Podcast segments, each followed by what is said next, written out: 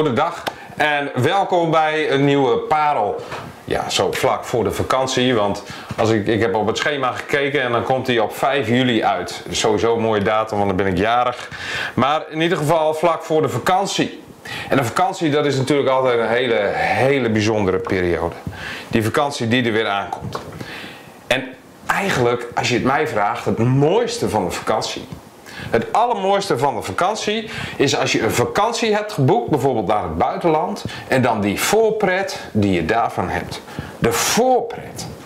Oh, daar kan ik al, al zo van genieten. Als je dan rond kerst ergens een, een, een huisje of een camping boekt in, in Zuid-Frankrijk of in Zwitserland of waar je dan ook heen wil. In, het kan ook in Drenthe zijn. En, eh, en dat je dan al, al gaat fantaseren hoe het daar zal zijn als je daar bent. Ik ben zelf heel erg van de bergen en van landkaarten. Op het moment dat we een huisje boeken of, of iets anders, dan, dan koop ik van dat gebied een kaart en dan kan ik echt uren naar zitten kijken. En dan kijk ik waar zijn de mooie plekjes, een mooi uitzichtspunt, een mooie berg om te beklimmen, een, een, een ruïne om te bekijken en ga zo maar door. Een watervalletje. En mijn hoofd, die maakt daar dan een beeld van. En dat is een fantastisch, utopisch beeld want het is eigenlijk in het echt nooit zo als dat ik mij voor heb gesteld. Niet dat het tegenvalt, maar het is gewoon anders. Omdat ik het met informatie moet doen ja, die ik op internet vind en, en op een platte kaart zie. En als je dan in het echt ziet, is het oneindig veel mooier. Eigenlijk, eigenlijk zit er in het evangelie ook zoiets. Er zit iets opgesloten waar wij voorpret over mogen en kunnen hebben. En dat is de wederkomst van Jezus. De wederkomst. En dan, en dan wordt de Bijbel vaak gebruikt als een landkaart om te kijken waar zijn de mooie plekjes, hoe zal het gebeuren.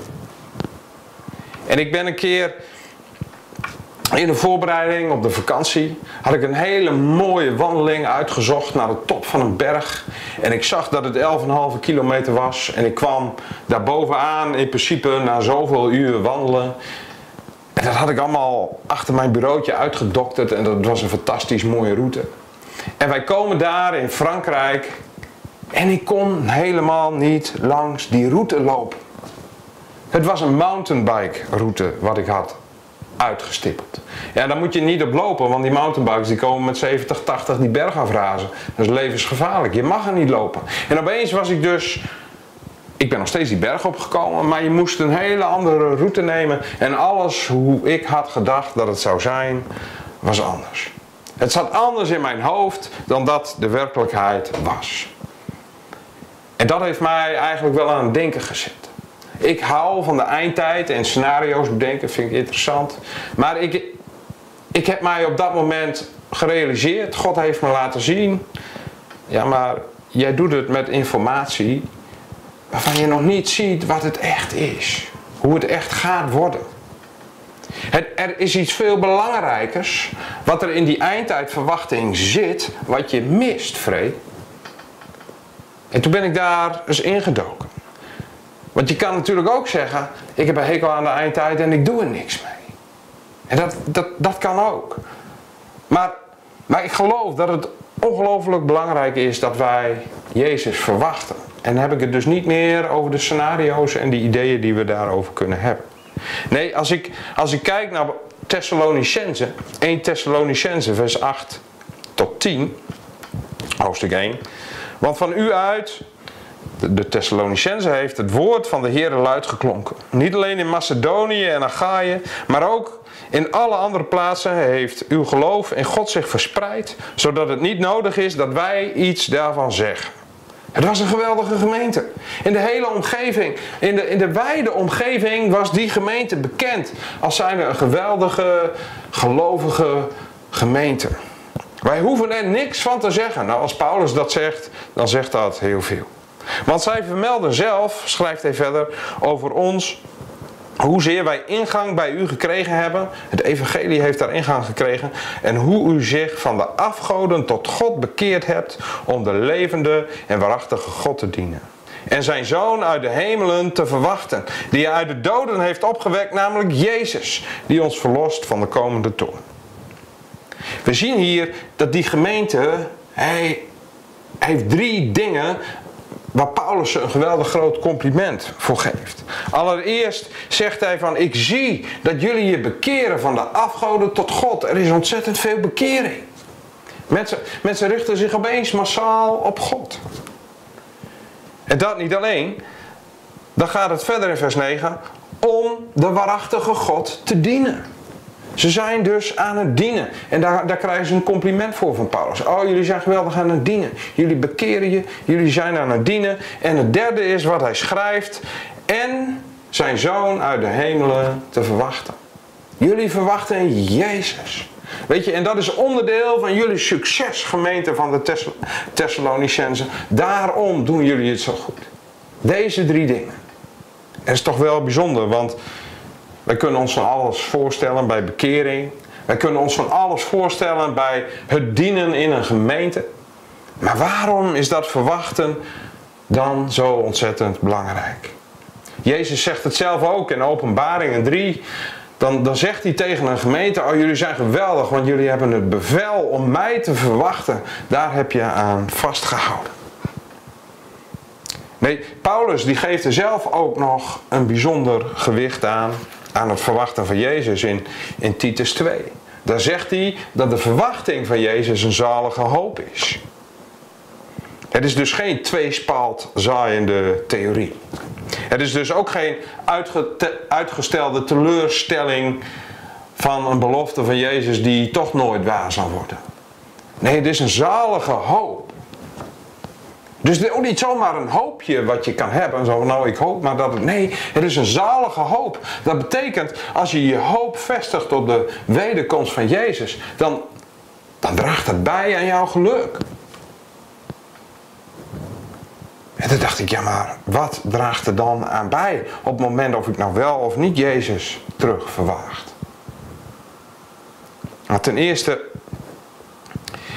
ten eerste is daar. Paulus schrijft het zelf in Titus 2. Terwijl wij verwachten de zalige hoop en verschijning. Het geeft hoop aan mensen die Jezus verwachten. Het geeft hoop. Het geeft hoop aan, aan, de, aan de mensen die in, in kampen zitten. Omdat ze in Jezus geloven. Het geeft hun hoop omdat Ondanks hun omstandigheden kan het zijn dat Jezus vandaag terugkomt. Dat ze vandaag hun redder, hun zaligmaker zullen ontmoeten.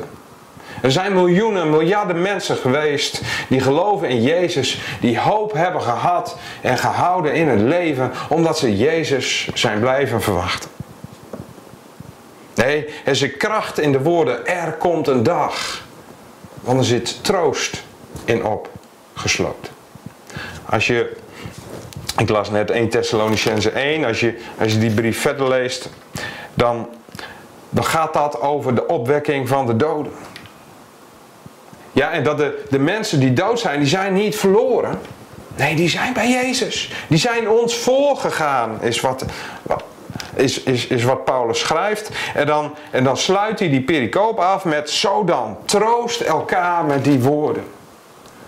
Zijn miljarden christenen die, die troost hebben ontvangen in het verlies van een geliefde. Omdat ze weten, ja maar als Jezus terugkomt. En misschien is dat vandaag, we weten het niet. Oh, dan, dan zal ik mijn geliefde weer ontmoeten. Het geeft troost en dus zit er kracht in die woorden, er komt een dag. Er zit kracht in de woorden, er komt een dag, want het, het verwijst naar heiliging. Het zorgt ervoor dat mensen zich gaan heiligen. Dat staat in Titus 2, vers 11 tot 13. Want de zaligmakende genade van God is verschenen aan alle mensen en leert ons de goddeloosheid en de wereldse begeerten te verloochenen en in deze tegenwoordige wereld bezonnen, rechtvaardig en godvruchtig te leven. Het is de vraag die ik me, die ik me stel als ik Jezus vandaag ontmoet. Ja, maar wat voor persoon komt Jezus dan tegen? En dan, als ik er echt van overtuigd ben dat het vandaag kan zijn, oh, dan zeg ik, ja maar die, die vrede, die, daar zitten nog wel wat haakjes en oogjes aan wat ik graag veranderd wil zien en daar wil ik aan werken. En dat is niet omdat dat moet, omdat ik anders niet gered ben. Nee, maar dat is omdat ik van Jezus hou. En als ik Jezus wil ontmoeten, dan wil ik hem zonder schaamte, dat gaat toch wel gebeuren, maar, maar zoals ik er nu voor sta, echt zonder schaamte in de armen springen. En dat is wat er gebeurt als ik Jezus vandaag verwacht. Dan, dan, dan is het zoals het hier staat. De goddeloosheid, de wereldse begeerten te verlogen. Een heilige leven te leiden. Er zit kracht in de woorden, er komt een dag. Want het zet mij aan tot dienen. Wat als ik echt van overtuigd ben dat Jezus vandaag terug kan komen? Waar is vrede dan mee bezig met zijn leven? Waar is hij mee bezig?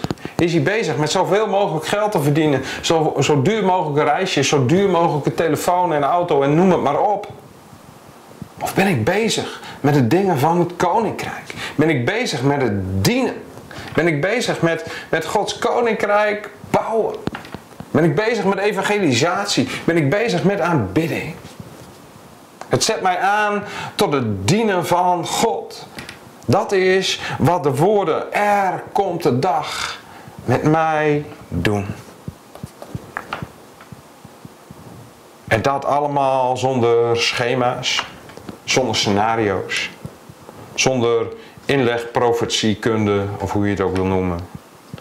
Toch Jezus blijven verwachten. Toch Jezus verwachten. Want dat maakt mij een mooier en beter persoon dan dat ik nu al ben in Gods ogen. Het geeft mij hoop. Het geeft mij troost. Het geeft dat ik heiliger word. Dat ik, dat ik bezig ben met de goede dingen in het leven in plaats van met de verkeerde dingen. Het geeft dat ik dienstbaar word. Dienstbaar ben in zijn koninkrijk. Oh, ik kan niet wachten tot Jezus komt. Kom, Jezus, kom spoedig.